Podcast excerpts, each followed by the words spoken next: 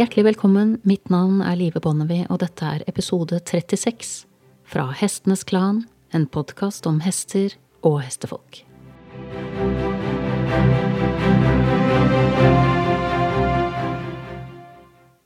I dagens episode tenkte jeg at jeg skulle si noe om risikoen ved ridning. Og jeg ønsker å illustrere det med en håndfull uhell jeg selv har hatt i løpet av den tiden jeg har drevet med hest. Jeg tenkte rett og slett jeg skulle fortelle deg seks historier som sier noe om erfaringene jeg høstet, og ikke minst hva jeg lærte av dem. Den første historien var fra en vakker norsk vinterdag, akkurat som dagen i dag, og det var derfor jeg kom på den. For den dagen dette uhellet skjedde, så var det en halvmeter florlett puddersnø overalt. Og er det noe som er digg å ri i, så er det puddersnø. Den hemmer ikke hesten nevneverdig, men øker likevel både steg og løft, og ikke minst fyrer det opp under drømmen man hadde før man begynte å ri selv. Drømmen om å ri gjennom en sky av snø i strak galopp. Og så er det lyden. La oss ikke glemme lyden den myke lyden av tretaktig galopp som treffer det skylaget som nå dekker bakken.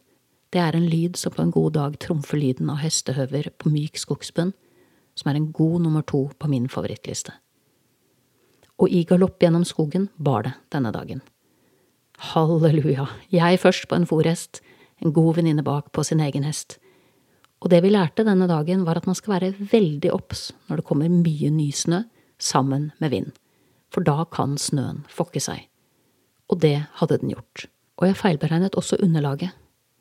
Så da snøen brått ble dobbelt så dyp, og til alt overmål dekket en snøfonn laget av en brøytebyll, da ble det bråstopp i hesten.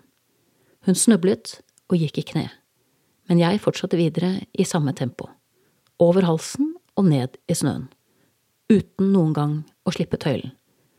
Så når jeg åpner øynene igjen, så ligger jeg på ryggen mellom frembeina til en hest som nettopp har karret seg opp igjen og fortsatt ikke har funnet balansen i snøen. Overkroppen min er klemt mellom frambeina hennes, underkroppen min ligger under resten av hesten, og jeg tviholder på tøylen for å hindre at hun går videre. Men det er ikke min eneste utfordring. Jeg har også fått masse snø i ansiktet, i munnen, i nesa, så mye at jeg ikke klarer å puste.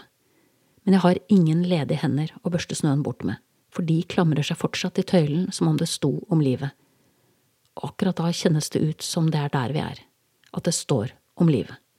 Det som ble løsningen, er at jeg gjør noe vi drev mye med på den tiden, men som sitter betydelig lenger inne nå.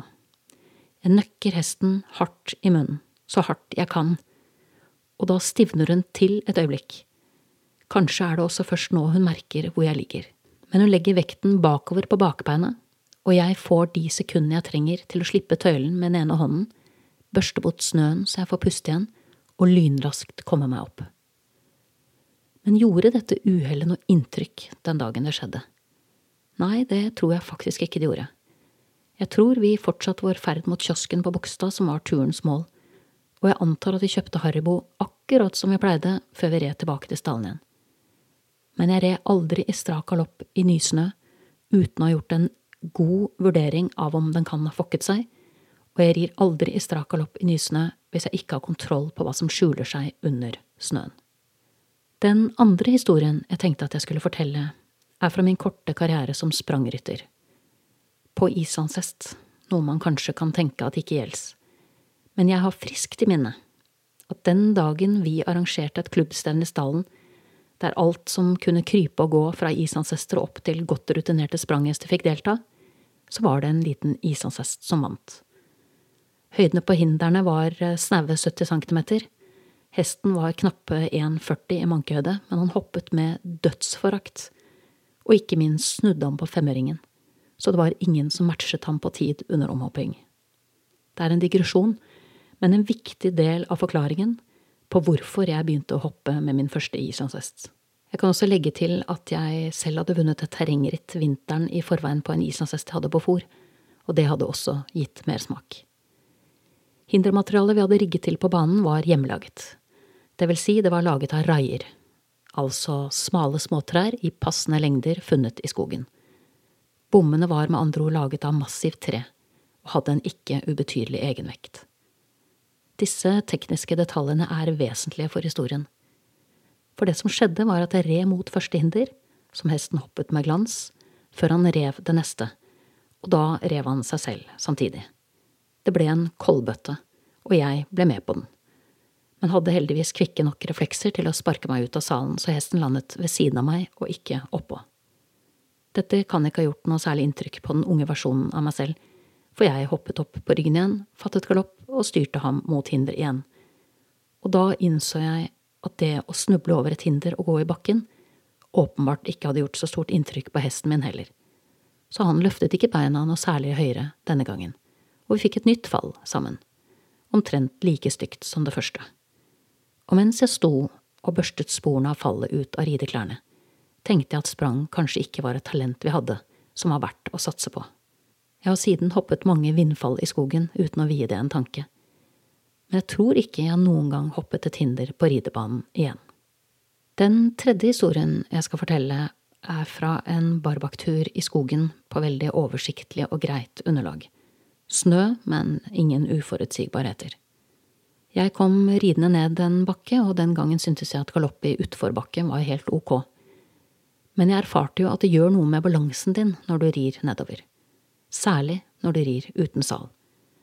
Så når jeg kommer til en sving, nærmere bestemt en 90 graders sving til høyre, så klarer hesten den eksemplarisk, men jeg kan ikke si det samme om meg selv. Det som skjer, er at jeg sklir av hesten og havner under i fart. Og det er som det sies, at hvis du står på dødens terskel, da går ting faktisk uhyre langsomt.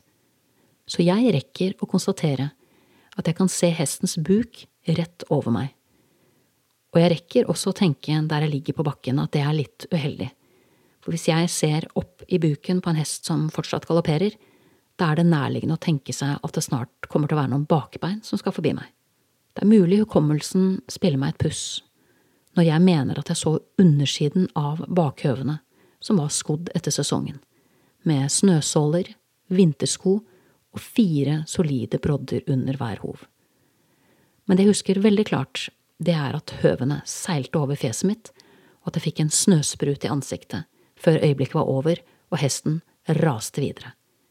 Jeg husker at jeg satte meg opp i snøen, og da så jeg avtrykket av bakkanten på ridehjelmen, som tegnet seg helt tydelig i snøen, og på den tiden så hadde vi jo disse gamle, trange, tette hjelmene som hadde en sånn sløyfe bak, så jeg husker avtrykket av den sløyfen i snøen.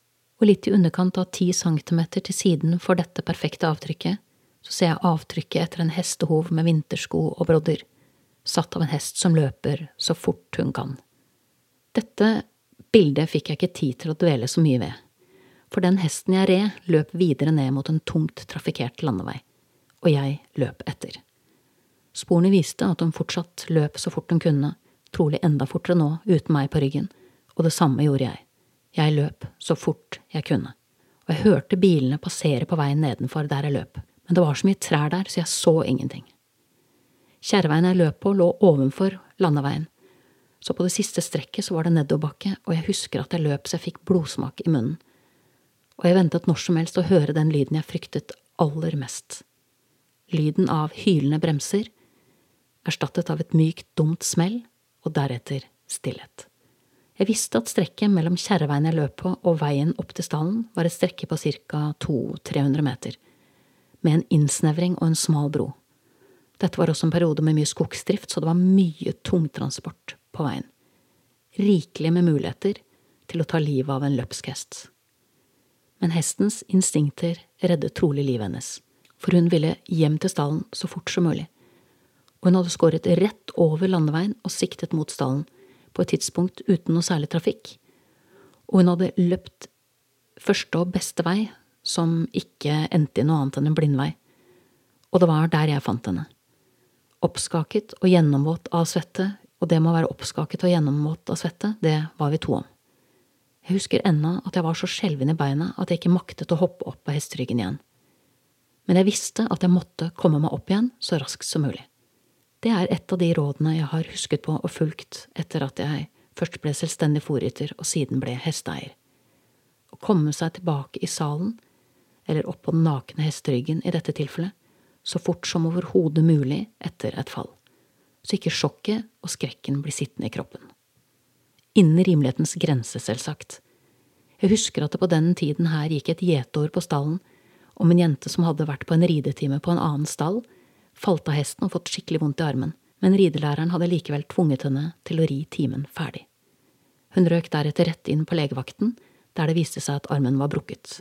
Jeg tenker at det er lite trolig at hun fikk noe særlig utbytte av å sitte i salen igjen etter det stygge fallet. Snarere tvert imot. Det er nærliggende å tenke at ved å ri med slike smerter forsterker man problemet.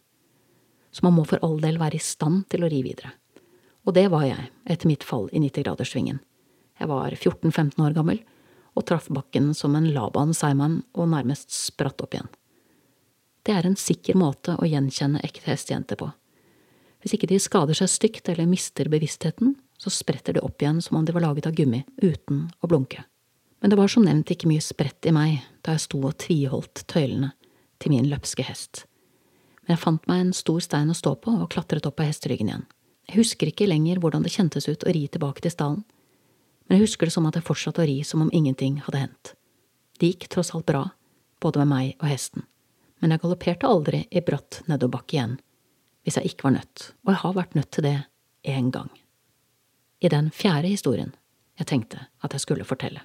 I tillegg til å falle med hest på ridebanen har jeg ved to anledninger også opplevd at en hest har falt på tur, der det typisk har vært snø på toppen av islagt bakke. Den ene gangen var det hesten min som falt. Vi kom ridende barbak i galopp rundt en sving, i mørket og nysnøen. Ja, vi hadde sjekket om det var noen muligheter for at snøen fokket seg, og det var det ikke. Men det dukket til gjengjeld opp en fullvoksen elgokse midt på ridestien, og hesten jeg red, som løp først, bråstoppet, gled og falt rett opp på beinet mitt. Jeg skal være den første til å innrømme at det gjorde sinnssykt vondt. Men jeg måtte opp på hesteryggen igjen for å komme tilbake til stallen, for beinet var jeg ikke i stand til å gå på. Vi var langt ute i skogen, det var midtvinters, så det ville tatt en evighet å få hjelp. Venninnen min som var med meg, hjalp til med å få meg opp på hesteryggen, og det var ikke noen enkel oppgave, for hun kunne naturlig nok ikke gi meg bein. Men opp kom jeg, hjem rev vi, og jeg slapp med en brist i foten og en skinne på beinet i tre uker. Den andre gangen en hest falt i skogen da jeg var med på tur, var det mer alvorlig. Da var det en annen venninnes hest som falt. Vi var ute og ren kveldstur på samme føre, is under nysnø, og jeg husker det som at det snødde fortsatt. Vi hadde lært at på dette føret var det viktig å ta det pent, så vi holdt hesten i skritt, men hesten hennes skled like fullt, hun fikk benet i klem under den, og det endte med et brudd denne gangen. Og der sto jeg, med to hester, og en av mine beste venner liggende i snøen, med store smerter og ute av stand, naturlig nok, til å komme seg opp av hesten igjen, uansett hvor mye hjelp hun hadde fått av meg. Det var sikkert ti minusgrader, og bortsett fra den hvite snøen var det mørkt som en sekk i skogen. Det jeg husker jeg var reddest for, var at hun skulle gå i sjokk, som jeg hadde lest at man kunne hvis man ble skadet og skremt. Det neste jeg var redd for, var at hun skulle bli kald mens jeg red til hjelp noe som også kunne forsterke muligheten for det nevnte sjokket.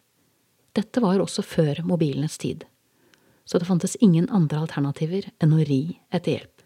Så jeg pakket henne inn i min egen jakke så godt jeg kunne, og så bandt jeg hesten hennes til et tre noen meter unna henne. Så ba jeg henne innstendig om å snakke med hesten hele tiden, fordi han allerede var skremt, og jeg var i ferd med å forlate dem alene i skogen, ridende i strak galopp på min egen hest. Tanken var at min venninne skulle være så opptatt med å roe ned hesten sin, som hun elsket høyere enn alt annet på jord, og at hun derfor ville glemme å stresse opp seg selv.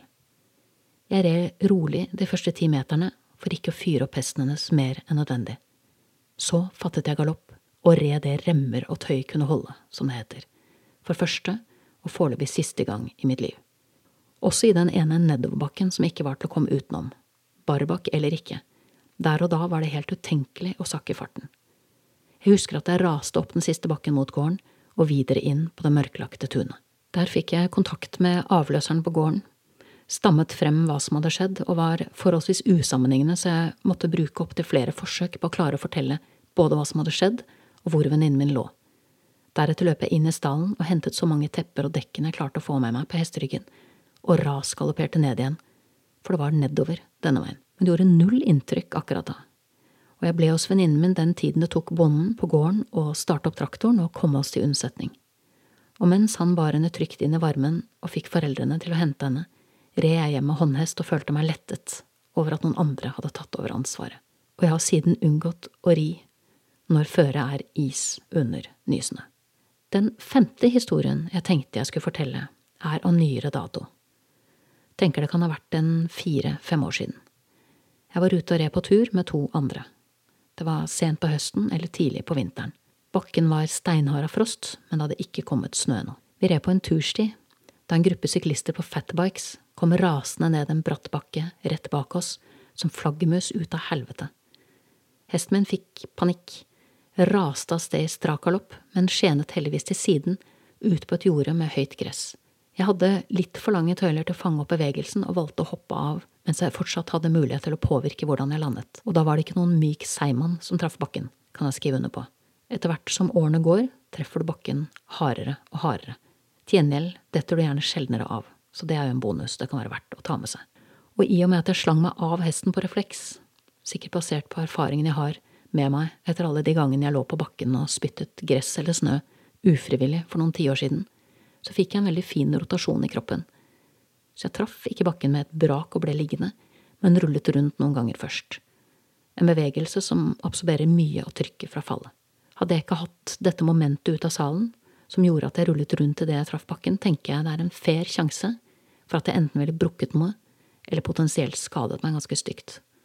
Nå slapp jeg unna med et solid blåmerke og to dagers stølhet. Utfordringen der og da var at jeg slapp tøylen i fallet. Å henge etter en hest i bittet, det sitter langt inne. Men hesten min kom, bank i bordet, løpende tilbake etter den forrige gangen jeg falt av og det gjorde han denne gangen også. Men å sette seg opp i salen igjen ble utfordrende. Hesten min var fortsatt ganske ung den gangen, og han har alltid vært en veldig var type. Og nå var han altfor spent til at det var forsvarlig å sette seg opp igjen med en gang. Følgelig leiet jeg ham den neste halvtimen, og når jeg først satte meg opp, så var jeg litt av og litt på. Og det jeg merket meg, ikke med en gang, men kanskje den neste gangen jeg skulle sette meg opp på hesteryggen, var at det denne gangen var noe som hadde satt seg litt fast i meg vil ikke kalle det skrekk, men en ukjent og ganske ubehagelig usikkerhet eller reservasjon i forhold til å ri. Det handler mye om, tror jeg, at det fallet man får som voksen, rett og slett er noe helt annet. Det er som å treffe en vegg der man pleide å treffe noe som minnet mer om en tjukkas i gymmen fra skolen. Og det ganske solide fallet i kombinasjon med at jeg ikke fikk sagt meg opp igjen med en gang, slik jeg har gjort alle de gangene jeg har falt av tidligere i min karriere, gjorde noe med meg. Eller det gjorde trolig først og fremst noe med hjernen min noe jeg måtte jobbe med en god stund før jeg fant tilbake til den tryggheten jeg alltid har hatt på hesteryggen, og jeg har lyst til å bruke denne episoden til å si noe om prosessen for å komme tilbake. Det som skjer når man faller av en hest og får en støkk, er blant annet at man med stor nøyaktighet får tatt tempen på hvor dypt interessen for ridning og hester egentlig stikker. For du må være villig til å jobbe deg tilbake til mentaliteten til hestejenta som treffer bakken som en ball som spretter opp igjen og er tilbake i salen før folk rundt rekker å fange opp hva som skjedde. Et stygt fall fra hesteryggen er først og fremst en påminnelse om to ting. At ridning er risikosport, og at livet er sårbart. Så det første jeg gjorde, var å ta stilling til om jeg var villig til å ta den risikoen igjen, og det tok meg kanskje to sekunder å konstatere at det var jeg. Mye basert på erfaringen om hvor ofte det faktisk går bra. Og på dette tidspunktet var jeg heller ikke i stand til å forestille meg et liv uten hest. Jeg vil ikke si at det fallet jeg hadde hatt stakk så dypt i meg at det ble et varig handikap, men det stakk definitivt dypere enn noe annet fall jeg har hatt, og helt klart dypt nok til at jeg kan relatere meg til dem som får en større støkk enn det dette var. Enten fordi uhellet de er utsatt for, er mer alvorlig, eller fordi skaden etterpå var mer betydelig. Her snakker vi tross alt om et semikontrollert, om enn ganske hardt fall, og null behov for verken lege eller luftambulanse for å starte et sted. Men jeg vil våge å påstå at veien tilbake i salen, den er den samme. For det første kan det vanskelig undervurderes hvor utrolig viktig det er at man setter seg opp igjen med en gang, så langt det lar seg gjøre, på en trygg og smertefri måte. Det er selvsagt ikke noe mål å ri med brudd eller andre alvorlige skader. Ei heller å ri en hest i en situasjon som kan komme til å eskalere på nytt, slik tilfellet var for meg. Det sagt er jeg sjokkert over hvor mye det forsterket reaksjonen på fallet at det ikke kom meg opp i salen igjen med en gang, slik jeg alltid har gjort tidligere. Det neste som gjelder, er mengdetrening. Mengdetrening i kombinasjon med romslige, og da mener jeg romslige, sikkerhetsmarginer. Man må rett og slett nok ganger erfare at man rir uten å falle av, så hjernen sakte, men sikkert programmeres tilbake til å tenke dette kan vi, null problem. Man må kort og godt føle mestring. Ri gjerne kort i begynnelsen, og få noen du stoler på til å leie deg om nødvendig. Og bygg opp den rytteren du var, stein på stein. Start i det små. Ri bare skritt først. Gå gjerne litt av og på underveis, så det er lettere å få kontakt med pusten, og minner deg selv om at du selv kan bestemme når du stiger av og når du stiger på igjen. Det er også viktig å velge rideveier og ridevenner med omhu i starten. Ri på oversiktlige, forutsigbare steder, og gjerne sammen med folk som har stødige, trygge hester. Alt som kan bidra til å forsterke følelsen av trygghet i situasjonen. Benytt også denne verdifulle anledningen til å kjenne på hva engstelse er, så du lettere kan forstå hesten din de gangene den reagerer med engstelse. Engstelse kommer alltid fra et sted, og den lar seg ikke alltid rasjonalisere. Den bare er, til den ikke er lenger. Sånn er det for hesten din også. Å bli satt på plass i en sånn situasjon eller få kjeft, det hjelper ikke. Husk også at fordi vi allerede fra naturens side har en iboende frykt for fallet, som Dave Tinn var inne på i sitt intervju, så må man være forberedt på at det kan hende at det blir sittende en liten knute igjen i magen, som du aldri fullt ut blir kvitt. En knute som strammer seg lynraskt ved testen kommer ut av balanse, skvetter, snubler, eller det oppstår en situasjon som kanskje ligner på den der du hadde uhellet. Men velg å se på den knuten som en styrke ikke en svakhet. Den refleksen kan være gull verdt, fordi den bringer deg i rask beredskap hvis det trengs, og du skal vite at den slipper taket raskere og raskere for hver gang. Jeg tenkte jeg skulle avslutte med å fortelle en helt annen type historie, og avslutte også sånn sett på en helt annen note. Denne historien handler også om et uhell, men et uhell av den typen som helt kunne vært lastet opp på YouTube men den gangen dette skjedde, fantes ikke YouTube. Ikke mobiltelefoner heller. Og det var på mange måter konsekvensene av mangelen på mobiltelefoner som ble det vi i filmbransjen kaller den utløsende hendelsen, eller i hvert fall en bit av den utløsende hendelsen. Og den utløsende hendelsen er den store eller lille tingen som setter alt annet som følger, i bevegelse. Jeg jobbet som avløser mens jeg fortsatt gikk på videregående. Og på gården jeg jobbet, så hadde vi hester, kaniner og etter hvert også ammekyr men da denne historien utspilte seg, så var kyrne fortsatt kalver. De sto i et åpent løsdriftfjøs, og utenfor fjøsdøra så hadde vi bygget en liten kvadratisk innhegning på ca 20 kvadratmeter, med tregjerde i flere høyder, forsterket med strømtråd i to høyder på innsiden. Tanken var at kalvene skulle komme og gå som de ville om vinteren, altså velge om de ville være ute eller inne, og det var de godt i gang med på dette tidspunktet, mens planen videre var at de skulle gå ut på beite hele døgnet til sommeren, mens vi bygget et nytt og større løsdriftfjøs. Denne konkrete dagen inntraff helt på tampen av høsten, og den kvadratiske innhegningen var nedtråkket og en salig tjukk blanding av kumøkk og søle. De som har romantiske forestillinger om livet på landet, ser sjelden for seg dette. Et gårdstun i slutten av november, når det er sleip søle og dritt absolutt overalt. Det hadde snødd litt om natten, så det lå flekkevis en tynn, hvit film på bakken over tunet, men det var ikke spor av tele ennå. Og det som skjedde, det var at jeg hadde tatt med meg trillebåren ned gjennom den lille kvadratiske innhegningen og videre inn i fjøset for å møkke. Det var en ganske tungvint prosess, men det var bare for denne ene vinteren, så skulle jo alt bli bedre. Så jeg setter fra meg trillebåren i, i fjøset, jeg finner fram greipet og begynner å jobbe, og har ingen anelse om hva som kommer til å inntreffe de neste minuttene. Men det som skjer, det utløses av at telefonen i hovedhuset ringer.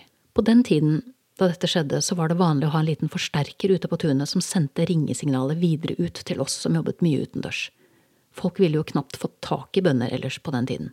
Det andre som er vesentlig her, er at dersom man ikke rakk å svare telefonen i tide, og innringeren la på, så ville du aldri få vite hvem som hadde ringt, eller hva de ville.